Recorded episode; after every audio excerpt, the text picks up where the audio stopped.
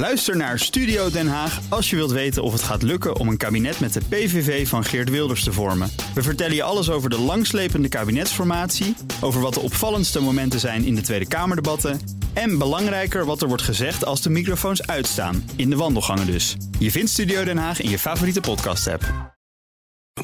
De column van Bernard Hammelburg. Met bijna 18 jaar is de oorlog in Afghanistan de langste waarin Amerika ooit verwikkeld is geweest. Voor het eerst zijn er serieuze tekenen dat Washington er een punt aan gaat draaien. Inpakken en wegwezen dus. En terecht. Tienduizenden Afghanen kwamen om en bijna 15.000 Amerikanen.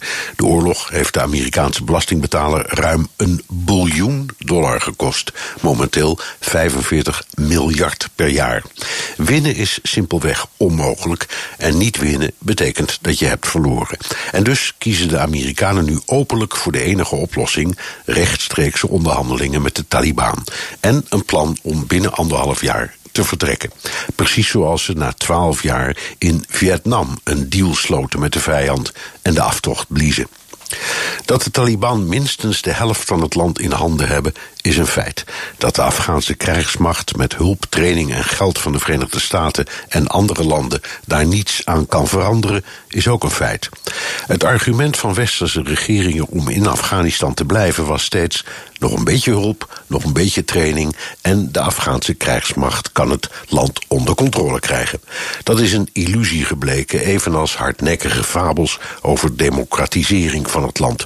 Of dat andere sprookje over meisjes die nu naar school kunnen. Ja, een handjevol in een paar steden misschien, maar meisjes en vrouwen zijn en blijven gebruiksartikelen en handelswaar. En het onderwerp waarover iedereen zwijgt, Afghanistan is nog steeds en straatarm en werelds grootste opiumproducent. Een ander argument was het gevaar van terrorisme dat ons vanuit of via Afghanistan bedreigde. Of dat gevaar er nog steeds is, valt moeilijk te bewijzen en voor de Amerikanen is het in elk geval kennelijk vervallen. En wij, jawel, tot 2021 levert Nederland 160 soldaten. Kosten 21 miljoen euro per jaar, ruim 57.000 euro per dag, ofwel 2400 euro per uur. Dat doen we onder meer uit solidariteit met de bondgenoten. Ik zou zeggen, als de grootste bondgenoot en gangmaker Amerika pontificaal vertrekt, kan het kleine Nederland dat ook. Dat mag best stilletjes, want het verschil zal nauwelijks opvallen.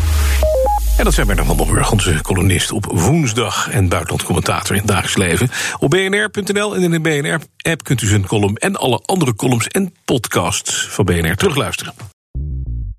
Bij BNR ben je altijd als eerste op de hoogte van het laatste nieuws. Luister dagelijks live via internet. Bas van Werven. En heel langzaam komt de zon op rond dit tijdstip. Je krijgt inzicht in de dag die komt op BNR, het Binnenhof in Nederland en de rest van de wereld. De Ochtendspits. Voor de beste start van je werkdag. Blijf scherp en mis niets.